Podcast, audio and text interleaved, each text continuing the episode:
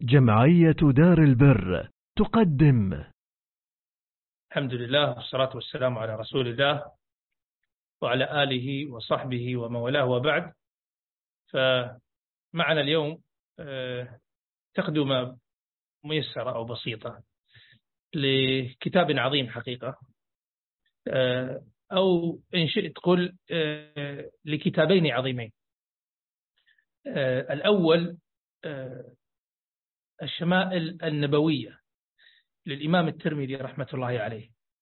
هذا الكتاب الشمائل النبوية هو من أفضل ما ألف في ذكر صفات النبي عليه الصلاة والسلام وشيء من أعماله عليه الصلاة والسلام التي يتسنى للمؤمن أن يقتدي بها يقتدي فيها بالنبي عليه الصلاة والسلام. وهذا الكتاب على صغر حجمه هو هو الترمذي معروف صاحب السنن. سنن الترمذي. لكن هذا كتاب مستقل عن السنن وهو على صغر حجمه لكنه يعني سار مسير الركبان. انتشر الكتاب جدا واهتم العلماء به ولقي قبولا واسعا وأثنى عليه العلماء ثناء كثيرا. فرحمة الله على الترمذي ونفعنا بكتابه. ثم جاء الشيخ عبد الرزاق ابن الشيخ عبد المحسن العباد آه، كلاهما آه، من سكان المدينة المنورة وما زال على قيد الحياة أمد الله في عمرهما آه، في طاعته ونفع الله بعلومهما.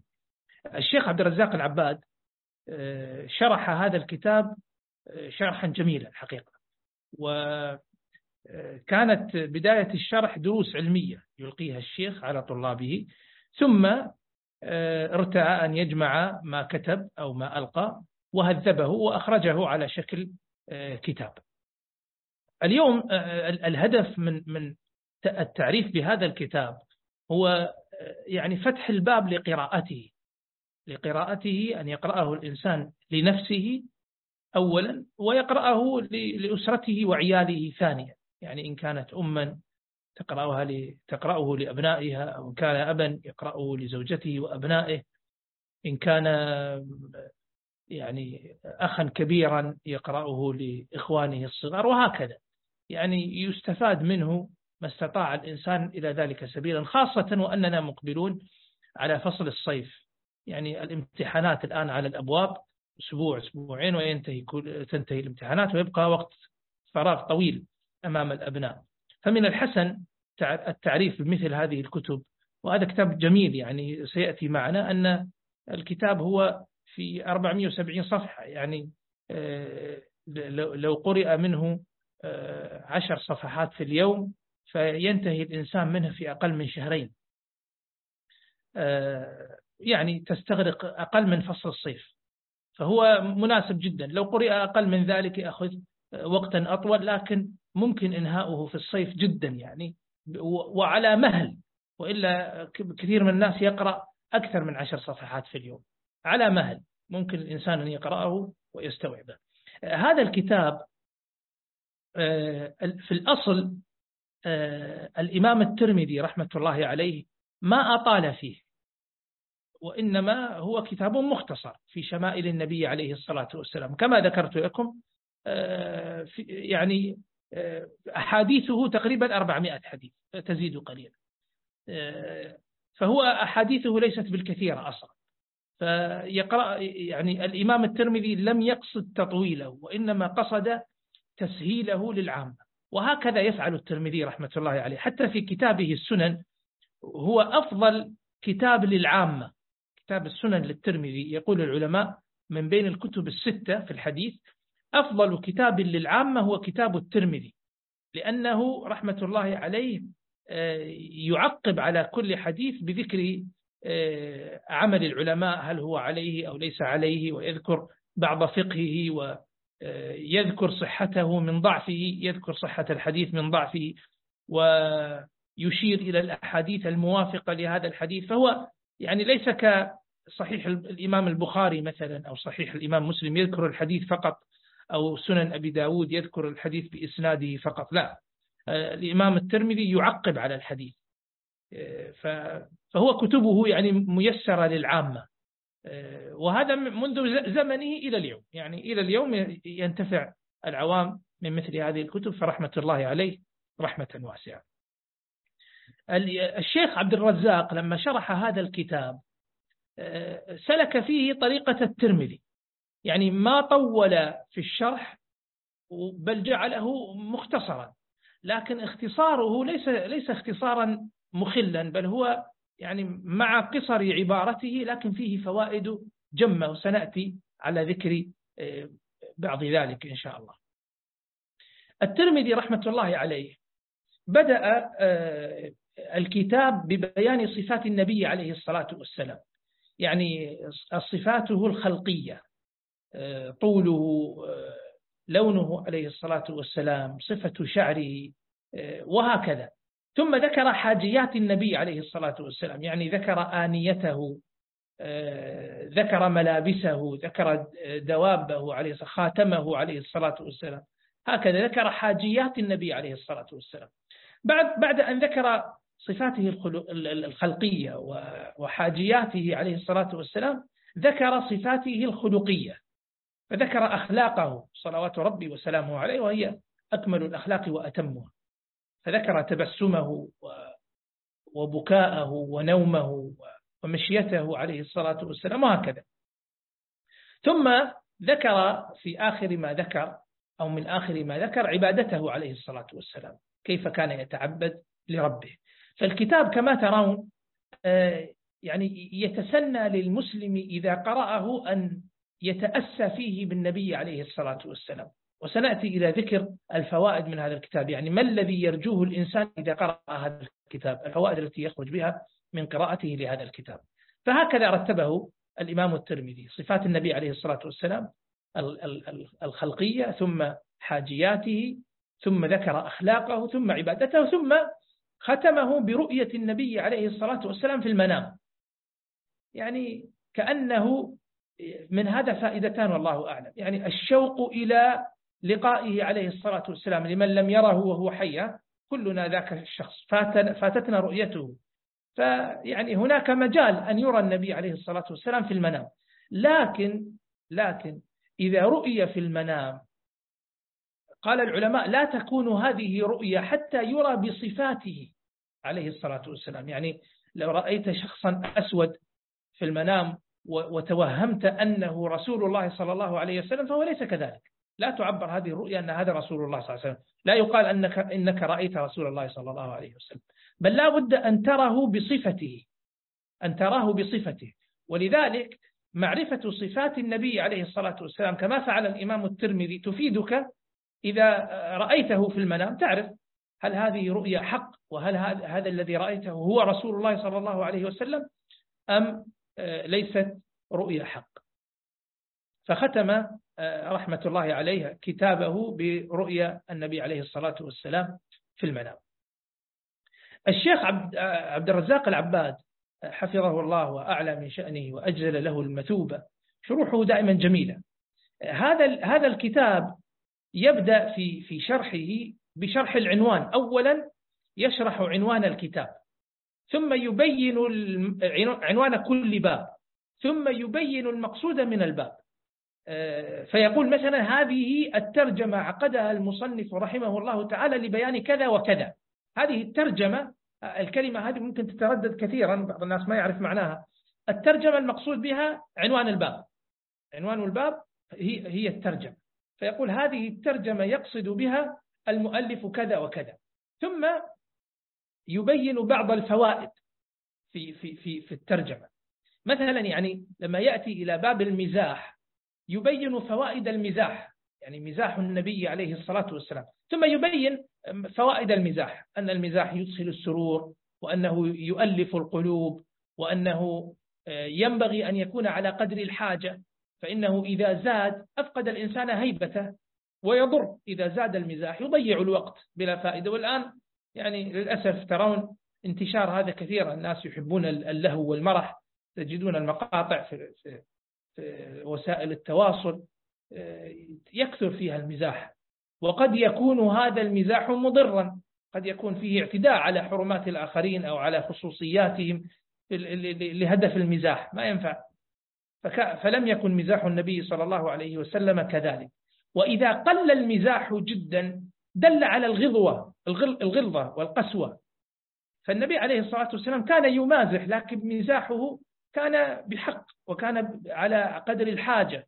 فلا هو آه، ينفر ولا هو يضيع الوقت فيما لا آه، ينفع. وإنما هو مزاح بقدر ما يؤلف القلوب ويجمعها ويرفه عن النفوس ولا ينفر عليه الصلاة والسلام. فيذكر مثل هذا في المقدمة.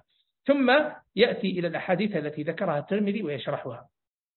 كذلك مثلا في باب الكحل آه، ذكر رحمه الله فوائد الكحل آه، ونقلها عن ابن القيم. وأيضا, أحيانا في المقدمة في في في مقدمة الباب إذا جاء يشرح عنوان الباب آه، يذكر مجمل هدي النبي عليه الصلاة والسلام في هذا الباب. يعني مثلا في في باب البكاء بكاء النبي عليه الصلاة والسلام. نقل الشيخ عبد الرزاق رحمه الله كلام ابن القيم في كيفية بكائه صلى الله عليه وسلم وأنه كان كضحكه لأن النبي عليه الصلاة والسلام إنما كان ضحكه تبسما لا يقهقه. كذلك في البكاء ما يرفع صوته بالبكاء وإنما هو, هو ليس فيه شهيق وإنما هو أزيز في صدره عليه الصلاة والسلام كأزيز المرجل. فهكذا كان عليه الصلاة والسلام متوسطا في ضحكه ضحكه تبسم ومتوسطا في بكائه. ثم ذكر مثلا أسباب, أسباب بكائه عليه الصلاة والسلام.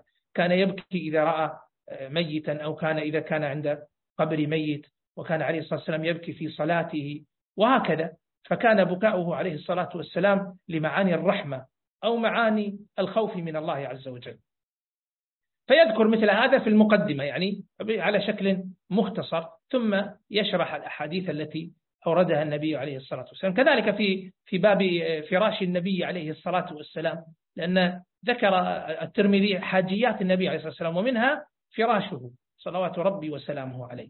فيذكر مثلا في المقدمة الشيخ عبد الرزاق يذكر ملخص آه، حال النبي عليه الصلاة والسلام في ذلك. يذكر مثلا أن فراشه لم يكن وثيرا يعني ما كان من الفرش الغالية وإنما كان له كساء من الصوف ينام عليه وكان نومه صلى الله عليه وسلم نوم حاجة لإراحة البدن. يعني ليس نوم الغافل. بعض الناس ينام تسع عشر ساعات في اليوم يقول لك ما عندي شغل. والله النوم حلو. لا لكن النبي عليه الصلاة والسلام لم يكن يعني من هذا النوع وحاشاه عليه الصلاة والسلام وإنما كان نشيطا عاملا بطاعة ربه وما يقربه إلى ربه وما ينفعه وينفع الناس. فكان نومه لراحة البدن يأوي إلى فراشه بقدر ما يحتاج جسمه من الراحة ولا يزيد على ذلك. فهو عليه الصلاة والسلام يعني صاحب همة عالية صلوات ربي وسلامه عليه. فيذكر مثل هذا في, في, في المقدمة ملخص ثم يشرح الأحاديث الواردة. فيعني المقدمة دائما تجد فيها آه، معاني جميلة وقد يلخص حال النبي عليه الصلاة والسلام المراد آه، ذكرها. كل هذا على وجه الاختصار. آه، يعني الشيخ ما ما يطيل في الشرح أبدا لكن كلام موزون وفوائد كثيرة. يعني لا تكاد تمر عليك فقرة إلا وفيها فوائد جميلة يعني تتوقف عندها. آه، فيعني وفق في الكتاب جدا حفظه الله. أيضا من من الأشياء التي ينتبه إليها في قراءة هذا الكتاب أن الإمام الترمذي رحمه الله كعادة العلماء المتقدمين يعني أورد في كتابه الأحاديث الصحيحة والضعيفة لأنهم كانوا يريدون يريدون الأحاديث بأسانيدها. فهم في ذلك الزمان كانوا يرون إذا ذكر الإسناد فقد هو برئ من العهدة يعني خلاص ما عليه مسؤولية بيان الصحة من الضعف. أنا لما أقول لك قال لي فلان هذا الخبر أخبرني به فلان وأنت تعرف آه، فلانا أو, أو, أو يمكنك أن تعرف حاله يعني تتوصل إلى معرفة حاله. أقول والله ما أدري لكن هذا الخبر أخبرني به فلان. فأنا في في في حل إذا كنا نعرف أن هذا فلان كذابا فمعناته أن خبره لا يعتمد عليه. لكن إذا كنا نعرف أنه صادق فمعنى ذلك أن خبره يعتمد عليه وهكذا. فكانوا رحمهم الله في ذلك الزمان. إذا ذكروا الإسناد إسناد الحديث حدثني فلان عن فلان عن فلان قال النبي عليه الصلاة والسلام خلاص ما يحتاج هو يبين أنه صحيح ولا غير صحيح لأنه هو قد برئت عهدته. يعني ذكر الإسناد وأحالك وانظر أنت إلى الصحة من الضعف. وكان يعني التوصل إلى معرفة آه، أحوال الرجال متاحة وإلى اليوم الأمر متاح لكن المتخصصون في ذلك قلة. ف ولم يكن كذلك في ذلك الزمن. فكانوا يحيلون خلاص. فكان فذكر في كتابه الصحيح والضعيف. لكن الشيخ عبد الرزاق إذا جاء الآن يشرح وهو يخاطب أهل عصره الآن آه، فهو يبين فالشيخ يبين آه، حفظه الله. لكن تنتبه لأنه في الصحيح لا يبين. إذا كان الحديث صحيحا لا يذكر أن هذا الحديث صحيح. خلاص. هو يشرح ويذكر أخرجه أبو داود أخرجه الترمذي أخرجه النسائي. طبعا إذا قال أخرجه البخاري أو أخرجه مسلم هذا واضح الأمر أن أحاديث البخاري ومسلم أحاديث صحيحة. لكن إذا إذا أحال إلى غير أخرجه الإمام أحمد وهكذا إذا لم يذكر هل هو صحيح أو ضعيف غالبا يكون هذا الحديث صحيح. إذا كان الحديث ضعيفا يبين. لكن بيانه أن هذا الحديث ضعيف أحيانا يقول ضعيف. وهذا يكون تحت يحط رقم واحد كذا في الحاشية تحت يقول حديث ضعيف. ويبين سبب ضعفه. كل هذا بعبارات مختصرة يمكن سطر واحد أحيانا فقط نصف سطر. ضعيف فيه الراوي الفلاني وهو ضعيف. أو فيه انقطاع أو هو حديث مرسل كذا يبين سبب الضعف. وأحيانا يذكر العلة ولا ينص على أن الحديث ضعيف. تنتبهون إلى هذا. يعني أحيانا ما يقول ضعيف يقول هذا الحديث فيه كذا وكذا. يعني أعطيكم مثال. عندنا حديث عبد الله بن عمرو بن العاص رضي الله تعالى عنه وعن أبيه. آه، قال كان رسول الله صلى الله عليه وسلم يقبل بوجهه وحديثه على أشر القوم. يعني كان إذا خاطب حتى أسوأ الناس منزلة يقبل إليه بوجهه وحديثه يتألفهم بذلك عليه الصلاة والسلام. فكان يقبل بوجهه وحديثه عليه بوجهه وحديثه عليه. كان إذا يعني خاطب عبد الله بن عمرو بن عمرو بن العاص أقبل عليه. قال حتى ظننت أني خير القوم. فقلت يا رسول الله أنا خير أو أبو بكر؟ قال أبو بكر. فقلت يا رسول الله أنا خير أو عمر؟ فقال عمر. فقال يا رسول الله أنا خير أو عثمان؟ قال عثمان. فلا قال فلما سألت رسول الله صلى الله عليه وسلم صدقني فلوددت أني لم أكن سألته. هذا الحديث ضعيف. لكن الشيخ الشيخ عبد الرزاق في كتابه لم يقل هذا ضعيف نصا وإنما قال في إسناده يونس بن بكير. وهو صدوق يخطئ. وفيه محمد بن إسحاق مدلس وقد عنعن. هذه علة الحديث. لكن لا ينص على أنه ضعيف. فتنتبه. أحيانا يذكر العلة أحيانا يذكر أنه ينص على أنه ضعيف وعلته كذا وكذا. ف يعني قارئ هذا الكتاب ينتبه إلى مثل هذا. ثم إذا كان الحديث ضعيفا بعض الأحاديث ضعيفة لكن معناها معناها صحيح. آه، فالشيخ إذا إذا كان المعنى صحيحا يشرحه. ويشرح على كل حال. إذا كان المعنى باطلا يبين أن هذا المعنى غير صحيح. أعطيكم مثال. هناك حديث أورده الترمذي. في, في, في الشمائل.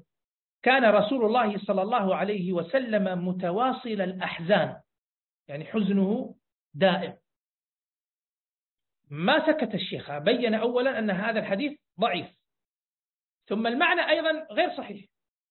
أورد كلام ابن القيم في مدارج السالكين في رد هذا المعنى. قال قال ابن القيم وأما حديث هند بن أبي هالة اللي هو هذا الحديث في صفة النبي صلى الله عليه وسلم إنه كان متواصل الأحزان. يقول ابن القيم فحديث لا يثبت وفي إسناده من لا يعرف. ثم قال ابن القيم كلام القيم هذا كله وكيف يكون متواصل الأحزان؟ وقد صانه الله تعالى عن الحزن على الدنيا وأسبابها. الحزن يا إخوة ويا أخوات إما أن يكون على الدنيا وإما أن يكون على الآخر أما على الآخرة فالنبي عليه الصلاة والسلام أقرب الناس إلى ربه. كيف يحزن؟ وهو أقرب الناس إلى ربه عليه الصلاة والسلام. بالعكس هو قربه من ربه سبب سروره عليه الصلاة والسلام. بقي الحزن على الدنيا فوات شيء من الدنيا. كيف يحزن النبي صلى الله عليه وسلم على فوات شيء من الدنيا؟ لا تهمه الدنيا كلها عليه الصلاة والسلام. نعم قد يحزن على مصيبة حزن طبيعي آني لكن لا يدوم حزنه عليه الصلاة والسلام. بمجرد أن يعود إلى ربه عليه الصلاة والسلام ينجلي ما فيه من حزن. صلوات ربي وسلامه عليه. بالعكس فكانت حياته دائما أصلا حياة بشوشة. آه، كان النبي عليه الصلاة والسلام دائما الفرح والسرور بقربه من ربه وعبادته عليه الصلاة والسلام. ولذلك كان الناس إذا اهتموا جاءوا إلى النبي عليه الصلاة والسلام. يعني الجلوس إلى النبي صلى الله عليه وسلم سبب سرور.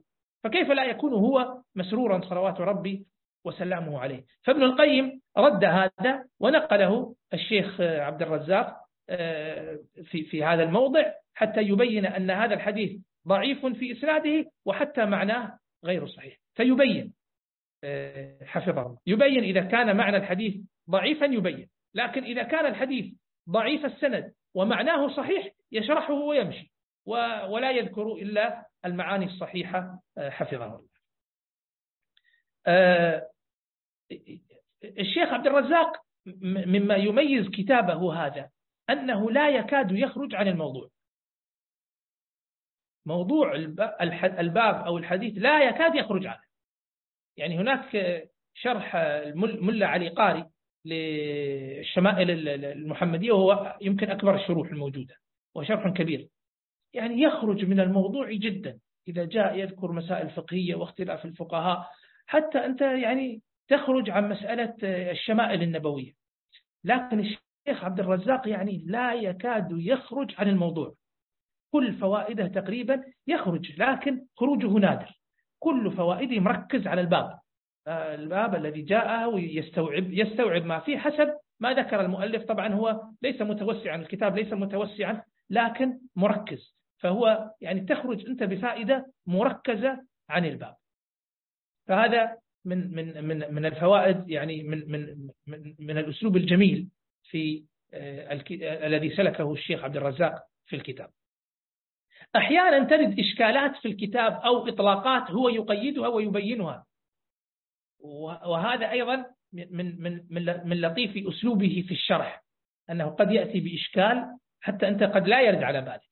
لكن هو يرد يورد هذا الإشكال لأنه قد يرد لبعض الناس. أو يذكر أحاديث أخرى يجمع بينها وبين ما ذكره المؤلف. يعني لا يترك المسائل المشكلة كذا مشكلة عائمة. مثلا لما ذكر المؤلف حديث قيام النبي عليه الصلاة والسلام حتى تتورم قدماه صلوات ربي عليه والسلام هذا ذكره في آه، أول عبادة النبي عليه الصلاة والسلام في ذكر عبادة النبي عليه الصلاة والسلام. الترمذي ذكر آه، أن النبي عليه الصلاة والسلام كان يقوم الليل حديث معروف وهو الصحيحين. أنه كان صلوات ربي وسلامه عليه يقوم حتى تتورم قدماه قال الشيخ عبد الرزاق ثم إن قيام العبد حتى تتورم قدماه محمول هذا فيما إذا كان العبد لا يدخله ملل ولا سآمة يعني أنت الآن تقرأ هذا الكتاب حتى تقتدي فيه بالنبي عليه الصلاة والسلام. فهو ينبهك النبي عليه الصلاة والسلام كان يقوم حتى تتورم قدماه لأنه لم يكن يسأم من هذا. بل كان يأنس به ويفرح عليه الصلاة والسلام وعنده همة عالية.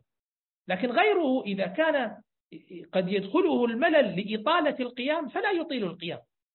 لماذا؟ لحديث عائشة رضي الله عنها. قالت كان النبي صلى الله عليه وسلم يقول آه، خذوا من العمل ما تطيقون فإن الله لا يمل حتى تملوا.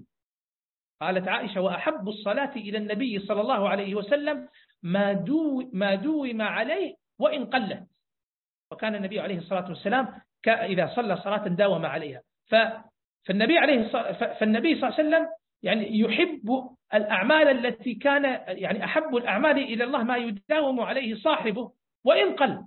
فأنت إذا كان الكثير يؤدي بك إلى إلى الإملال وترك الصلاة لا لا تكثر.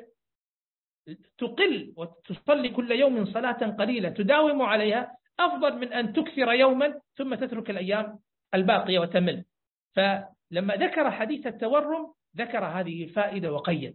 فيأتي بمثل هذه اللطائف حفظه الله وهذه التقييدات وهذا من من فوائد الشرح. يعني من وهذا كثير تجده ينبه إلى بعض الحدود حتى لا يخرج الإنسان بالموضوع ويأخذه على إطلاقه.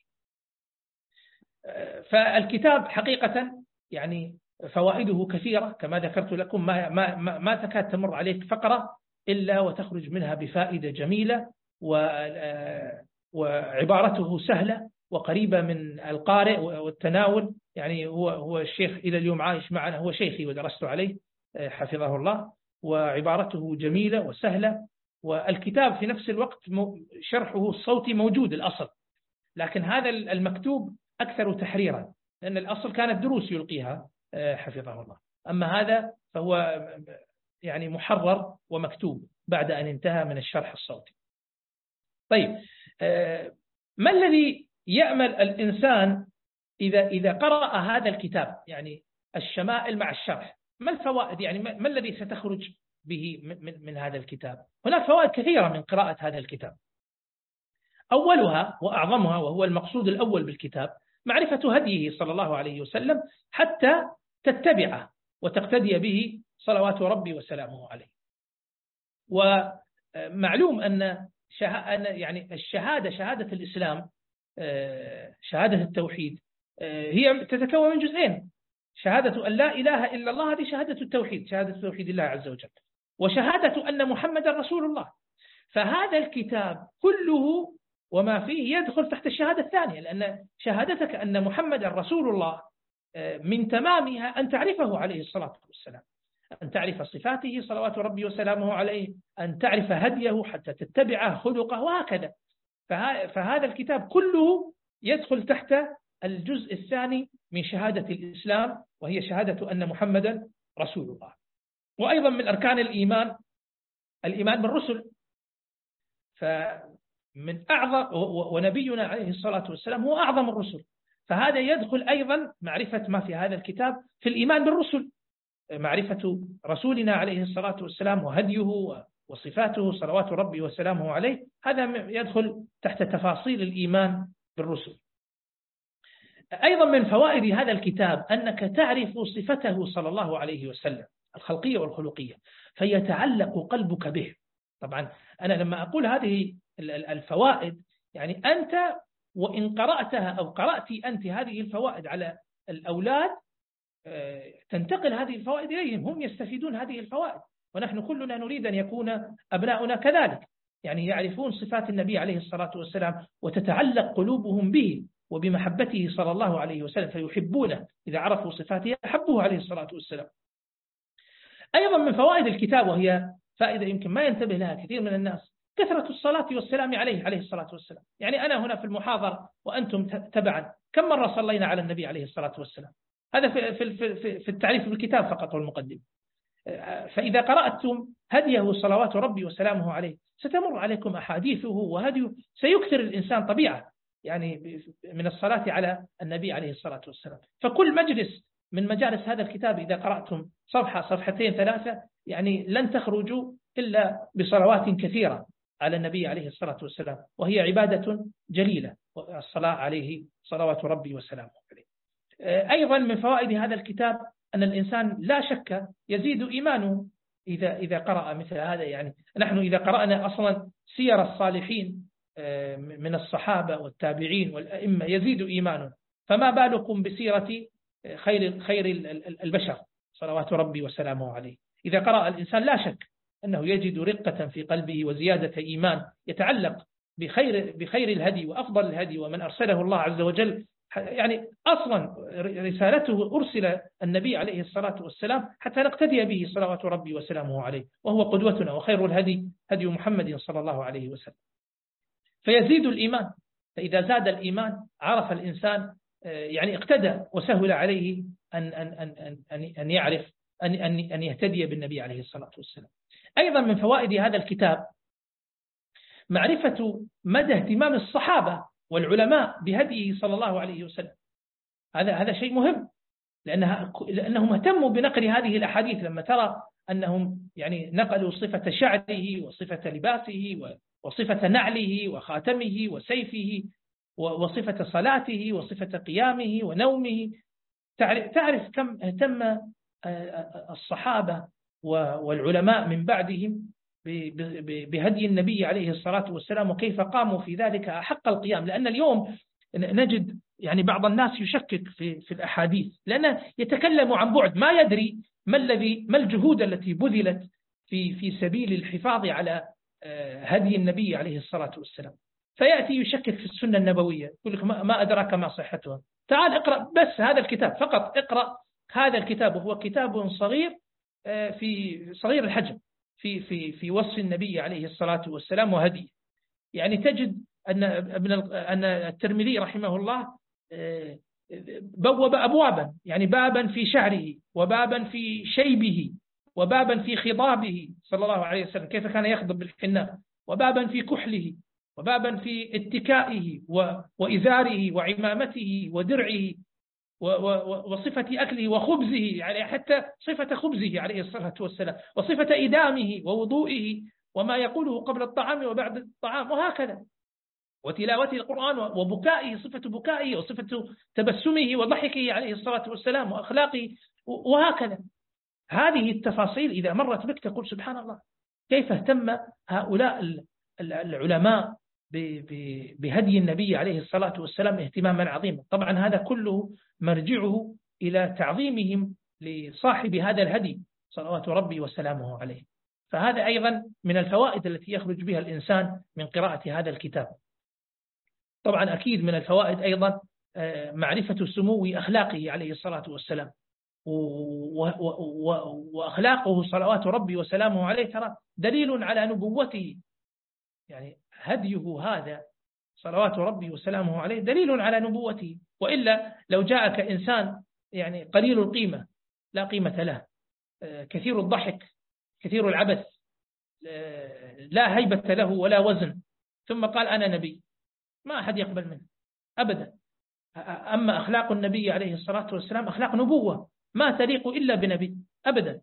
اجتماعها بهذه الطريقة في القمة في قمة الخلق في كل شيء. يعني إذا أمر بالإحسان فهو أفضل المحسنين عليه الصلاة والسلام. وإذا أمر بالصدق فهو أول الصادقين وأفضلهم. وإذا أمر بالحلم فهو أفضل الحالمين. وإذا أمر بالشجاعة فهو أشجع الشجعان. وهكذا أخلاقه عليه الصلاة والسلام تدل على أنه نبي مؤيد من عند الله. ولذلك يعني لما اتهمه آه، الكفار بالجنون برأه الله. نون والقلم وما يسطرون ما أنت بنعمة ربك بمجنون. يعني يعني بفضل الله عليك أنت لست بمجنون. ما أنت بنعمة ربك بمجنون.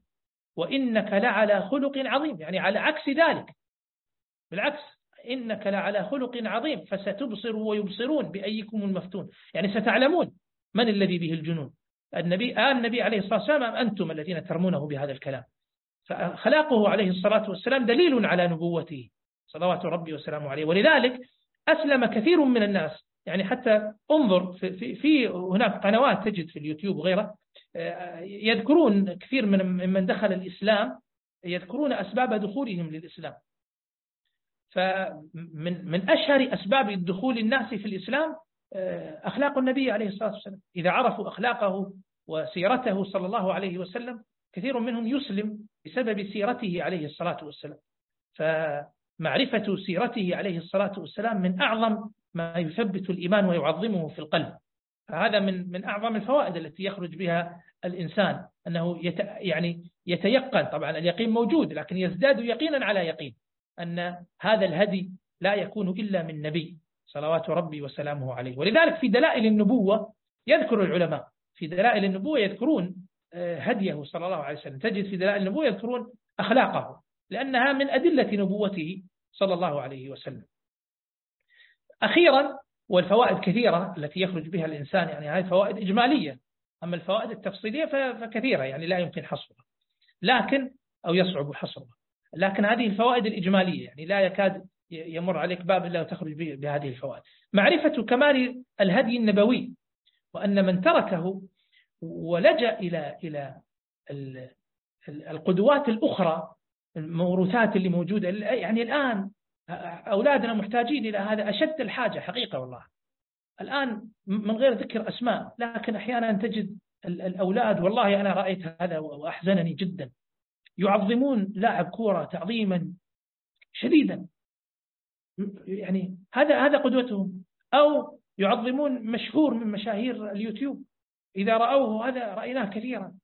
ويحزن يحزن الإنسان العاقل يحزن من هذا. بنت صغيرة أو أو شاب صغير. يعني الصغير هنا يعني صغير نسبي. وقد تكون بالغة البنت وقد يكون الشاب بالغا يعني محاسب. يرون في في المول أو يقابل أو في أي مكان عام يقابل مشهور من مشاهير اليوتيوب. قد يكون هذا هذا المشهور يعني صاحب نكت ومزاح. وقد يكون ما أدري. أي أي مجال آخر. حلال كان أو حراما. صلى الله عليه وسلم يعني إذا كان حرام بعد أسوأ وأسوأ. إذا رأوه طاروا فرحا يجنون يبكون يعني كأنهم رأوا ما أدري ما أدري أقول رأوا من. وهذا من من عجائب هذا الدهر ومحزناته للأسف.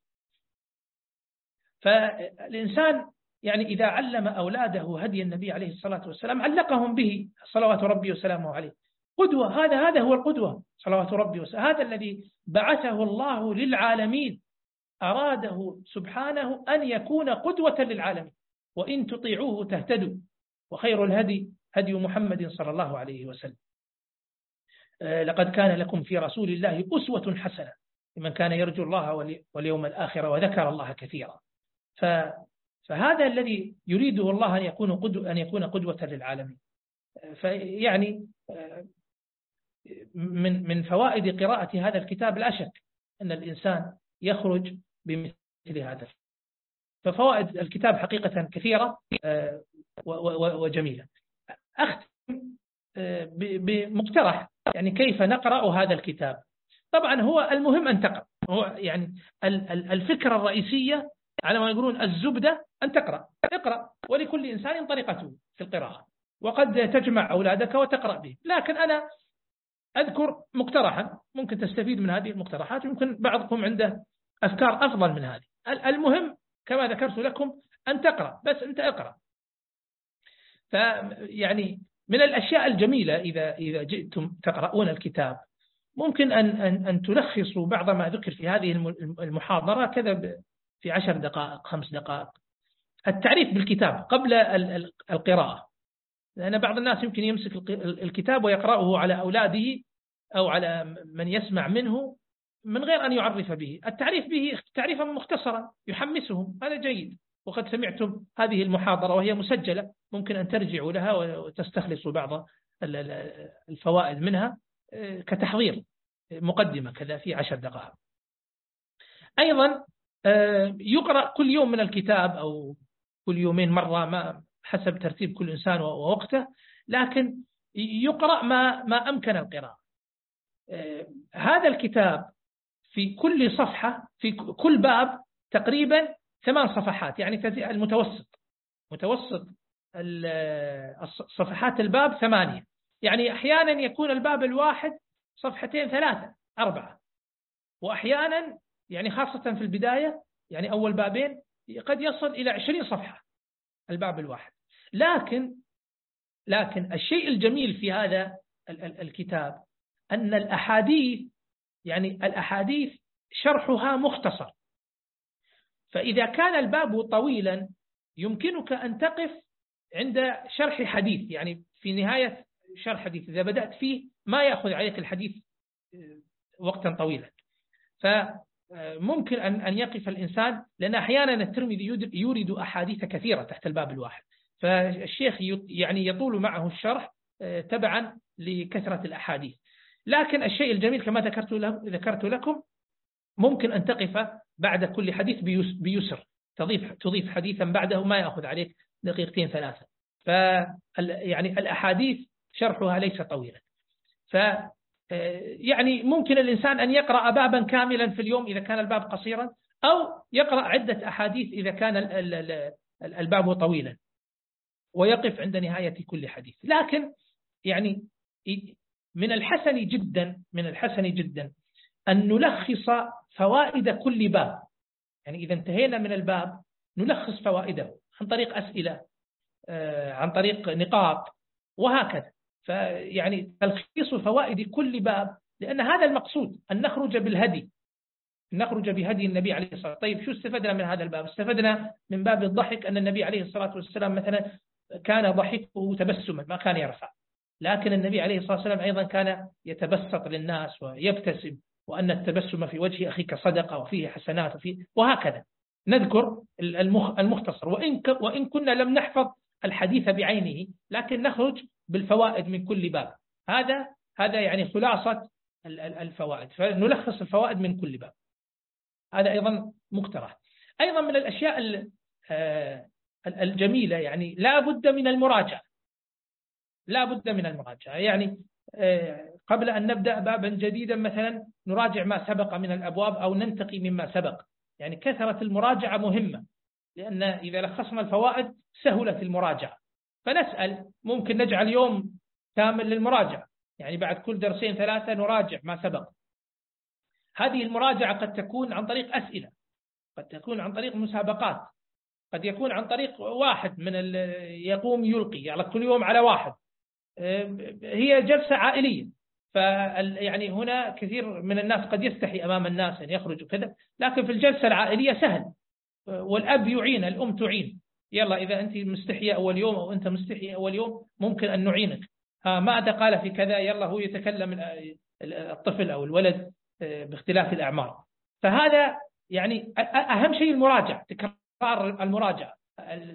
لأن النسيان يكثر. يعني إذا قرأنا كتابا وتركنا ما مضى ترى بكرة تجي نص المعلومات راحت أو أكثر آه، من نص المعلومات. فهو المراجعة كل ما جئنا إلى جلسة جديدة نراجع.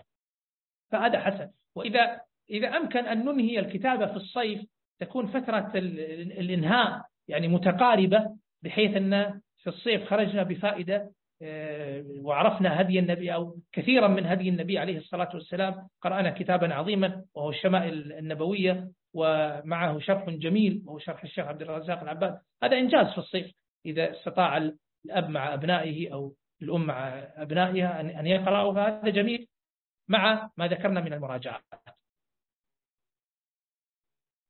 أيضا من الأشياء الجميلة آه، عدم الاقتصار في فوائد الكتاب على مجلس القراءة. بمعنى آه، نحن على مائدة الطعام. ممكن أن نذكر بعضنا بهدي النبي صلى الله عليه وسلم في الطعام. ها ماذا كان هديه في الطعام؟ كان النبي صلى الله عليه وسلم لا يشبع. كان من هديه عليه الصلاة والسلام آه، أنه يسمي الله قبل الأكل أنه يحمد الله بعد الأكل وهكذا نذكر. إذا ركبنا السيارة دعاء النبي عليه الصلاة والسلام إذا ركب الدابة لأن هذا سيمر. ما, ما, ما, ما الذي كان يقوله النبي صلى الله عليه وسلم؟ هذا درسنا هذا. إذا رأينا إنسانا يصيب في موضوع مثلا يمزح ولا يكذب نقول ها شفتوا هكذا كان النبي صلى الله عليه وسلم صح؟ مثل ما تعلمنا من هذه نذكرهم حسب المواقف. إذا مزح الإنسان وكذب نذكرهم نقول ها إحنا مر علينا أن النبي صلى الله عليه وسلم كان يمزح لكنه كان لا يكذب. شفتوا هذا المزاح خاطئ. إذا مرت معنا آه، وهكذا قهقه نقول آه، النبي صلى الله عليه وسلم ما كان يقهقه. إذا شبع إنسانا شبعا شبعا شديدا نقول ها النبي صلى الله عليه وسلم ما كان يشبع هذا الشبع الشديد. وهكذا. فنعيد الفوائد لكن عمليا الآن حسب المواقف. هذا مما يثبت ويجعل الهدي النبوي الذي تعلمناه ذا قيمة في الحياة قيمة عملية في الحياة وهذا مهم. وأخيرا أخيرا من الجميل أن أن نخرج بفوائد عملية من الكتاب. يعني مر علينا مثلا في الكتاب سيمر صلاة الضحى. اللي ما كان يصلي صلاة الضحى يصلي. آه، تمر علينا بعض السنن من أدعية النبي عليه الصلاة والسلام وهكذا ما كنا نعرفها الآن عرفناها ونطبقها. فيطبقها الإنسان في حياته. هذا من الفوائد العملية التي سيلمس فيها الإنسان ويلمس أولاده فيها الجانب العملي من هذا الكتاب. والله تعالى أعلم. صلى الله على محمد فأسأل الله العظيم رب العرش العظيم أن يجعلنا وإياكم ممن يستمعون القول فيتبعون أحسنه وأدعو نفسي وإياكم إلى أن نبدأ في هذا الكتاب بعد آه، يعني بعد الامتحانات. وإذا كان العيال, العيال ما عندهم امتحانات في بيت من البيوت ممكن أن نبدأ مباشرة. والله تعالى أعلم. جزاكم الله خير. جزاكم الله خيرا شيخنا وأحسن الله إليكم. آه، من كان عنده سؤال آه، فيمكنه الكتابة. وأيضا من كان عنده سؤال يريد أن يطرحه شفهيا ممكن أن يرفع إشارة رفع اليد. هنا سؤال من إحدى الأخوات تقول السلام عليكم ورحمة الله وبركاته. ما هو اسم الكتاب تكرما أو إرسال صورة الكتاب؟ لأني من الدنمارك من الدنمارك ومعكم الدكتورة كذا فلانة. وتم إرسال الإعلان ولله الحمد المنة وتشكر الجمعية صراحة على البرامج الطيبة وأيضا من دولة الإمارات العربية المتحدة الغالية على قلوبنا. الله يجزيها خير ويبارك فيها الكتاب اسمه شرح الشمائل النبوية للشيخ عبد الرزاق العباد. طبعا كما ذكرت لكم هما كتابان. يعني الأصل الشمائل النبوية وهو للترمذي رحمة, رحمة الله عليه عبارة عن أحاديث. وجاء الشيخ عبد الرزاق العباد آه، حفظه الله شرح هذه الأحاديث وشرح الأبواب أيضا. فسماه شرح الشمائل النبوية وهو موجود على الإنترنت مجانا. يعني بس اكتبوا على على جوجل شرح الشمائل النبوية للشيخ عبد الرزاق العباد. الشيخ عبد الرزاق العباد. آه، تكتبون كذا وتجدون يعني تجدون روابط كثيرة للكتاب موجودة مجانا. والله أعلم. تفضل يا شيخ. جزاك الله خير شيخنا. شيخنا هنا سؤال آه، يقول السائل يعني أو بمعنى بمعنى السؤال أن بعض يعني بعض الآباء يسردون الفهرس يعني قبل قراءة الكتاب فهل هذه طريقة صحيحة أو مشوقة للكتاب؟ والله يعني بعض الناس يستعمل هذا كما ذكرت لكم كل إنسان وطريقته. يعني قراءة الفهرس تعطيك آه، صورة إجمالية لموضوعات الكتاب. آه، فهو طيب حسن. يعني قراءة الفهرس والمقدمة يعني آه، هو هو من أراد أن يقرأ الكتاب قراءة المقدمة ضرورية. قراءة المقدمة ضرورية. لأنها يعني تفهمك أسلوب المؤلف ويضع المؤلف فيها. يعني الشيخ عبد الرزاق هنا في المقدمة ما ذكر شيئا كثيرا من أسلوبه لكن هو ذكر يعني فوائد هذا الكتاب وعظم كتاب الترمذي وفوائده. يعني قراءة المقدمة طيبة. دائما مفيدة يعني. وكذلك الفهرس مفيد النظر في الفهرس مفيد. السلام عليكم. السلام ورحمة الله وبركاته. مرحبا مرحبا أخي تفضل. كيف حالكم شيخ؟ الله يسلمك ويعافيك يا رب. الله مساكم يا رب. آه، شيخنا هنالك بعض المشايخ الآن في آه، شرح بعض الدروس. آه، يثقل أو يطيل مثلا من ضمنها يعني اتخذوا في هذا الإجراء اتخذوا في بعض الآباء. أنه يطيل الشرح على الأبناء الصغار. هل في شيخ فيه طريقة معينة لمن لا تتجاوز أعمارهم عشر سنوات؟ لشرح لهم مثلا آه، لأنه أكثر أبناء شيخ أصبح لديه رؤية أنه الأب لما يشرح كما يشرح المعلم فيشوف أن هذا أمر روتيني. هل فيه طريقة يا شيخ معينة أو تنصحون بطريقة معينة؟ والله شوف يا أخي يعني هو كل إنسان له طريقته وفن التدريس هذا هو يدرس وأيضا هو منة من الله. يعني لا يمكن أن يكون جميع المدرسين يعني قد يدرس الإنسان فن التدريس ولا يكون أسلوبه محببا إلى إلى الحاضرين. لكن دائما دائما إذا حضرت وعرفت أنت المعاني يكون هذا أقرب إلى النفس من من القراءة مباشرة. لكن يعني هذا لا يتاح لكل إنسان. يعني تحتاج أنت أن تقرأ وتفهم الكتاب مع معانيه وتتقنها ثم تعطيها للأولاد. أو تحضر من الكتاب تقرأ وتضع يعني ملاحظات جانبية كذا بحيث ما يفوتك شيء ثم تعطيه بأسلوبك. خلاص تكون أنت عندك الخلاصة فتعطي بأسلوبك. لأن عبارة الشيخ وإن كان أولادك عشر سنين وإن كانت عبارة الشيخ سهلة لكن يمكن أولاد العشر سنين ما يفهمونها. ما يفهمونها. فتحتاج أنت أن تحضر. وكما ذكرت لك التحضير لن يأخذ منك جهدا طويلا لأن عبارة الشيخ سهلة ومختصرة والكتاب ليس طويلا. فممكن أن يلخص الإنسان ويضع كذا آه، يعني ملخص جانبي نقاط ثم يقرأ على الأولاد الحديث يأخذ منهم المعاني يقول ها شو رأيكم؟ ما الذي فهمتموه؟ طيب هذا ما معناه؟ يطرح مثل كذا أسئلة. طيب قوله هنا في الحديث ما معناه؟ ما الذي تستفيدون منه؟ ما رأيكم؟ تعرفون الشيخ شو ذكر هنا؟ هنا في فائدة جميلة هنا كذا ها؟ فإذا صار الأمر بالمحاورة والنقاش وكذا لعله يكون ألطف وليست القراءة المباشرة القراءة المباشرة قد تكون مملة يعني إلا لمن للقليل من الناس لكن أكثر الناس قد يجدها مملة والله أعلم جزاكم الله خير. آه شاكر مقدر لكم الشيخ على الإجابة الله يحفظكم آه، محبكم من السعودية أولا يا شيخ هذا ابتداء. آه وفي سؤال آخر آه فضيلة الشيخ إذا سمحت لي. آه الآن هنالك يا شيخ من يتربص للمحاضرات العلمية للأطفال الصغار. هل في يا شيخ دروس ميسرة لهم أو لمن لا يتجاوز عمر 15 عام؟ هل هنالك في دروس ميسرة مسهلة لهم يا شيخ؟ ما فهمت يعني أنت تطلب دروس ما أدري والله فهمت سؤال يعني أنت تريد يعني مثلا في اليوتيوب تبغى دروس أو أو في الإنترنت كذا بحيث إنه يحضرونها الأولاد الصغار نعم والله ما أدري يا أخي والله هي حاجة موجودة حقيقة. آه، هي الحاجة موجودة كما تفضلت. لكن أنا والله ما عندي خبرة أحتاج إني أنظر ولعل يعني نحتاج إلى ان يعني ننتج مواد للأطفال. لكن إنتاج مواد للأطفال لها لها يعني خبرات معينة أنا ما عندي إياها. لكن حقيقة نحن نحتاج يعني نحن كعالم إسلامي نحتاج إلى مواد للأطفال في الفقه والعقيدة آه، والسلوك والأخلاق آه، ميسرة وتفسير القرآن وشرح الأحاديث بطريقة تكون محببة إلى الطفل آه، وقريبة. آه سمحت سمحت لي كيف أصبح الآن للأسف أنه مرة من المرات حصلت أختي عمرها تقريبا 11 عام تسمع شروح دينية يعني ميسرة للأطفال لكنها على منهجيات أخرى. لا داعي لذكرها يا شيخ.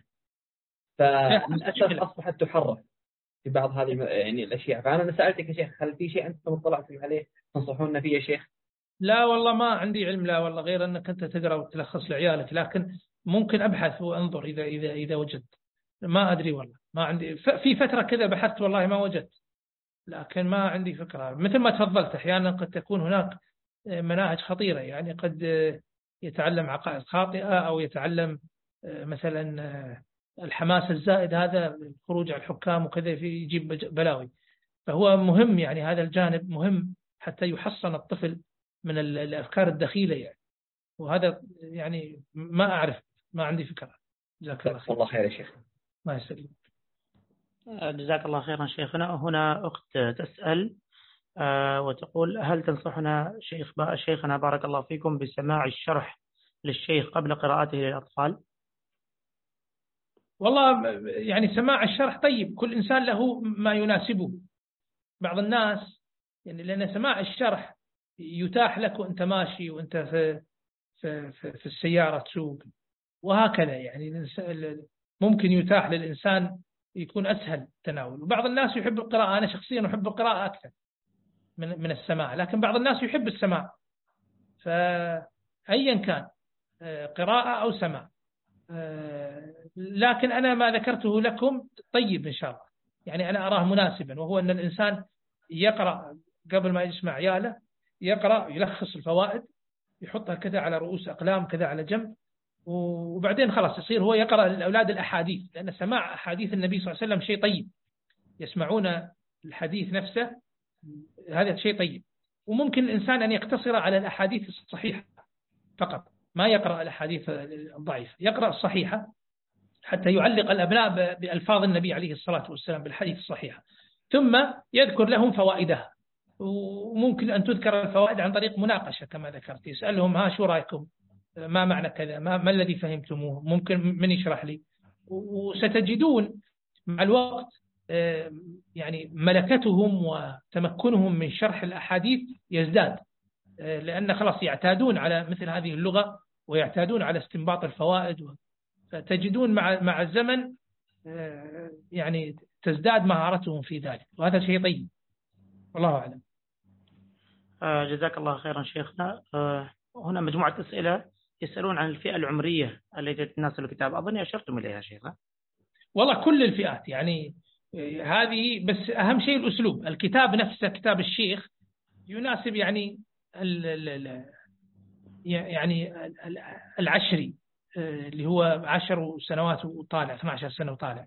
لكن آه، إذا قرأه آه، الشخص لأبنائه ممكن أن يسهله ويستفيدون منه. يعني ما دام الولد يفهم أو البنت تفهم سبع سنين وفوق يستفيدون منه. كل كل كل الأعمار. هذا هدي النبي عليه الصلاة والسلام. يستفيدون منه كله كله. سبحانك اللهم وبحمدك أشهد أن لا إله إلا أنت أستغفرك وأتوب إليك.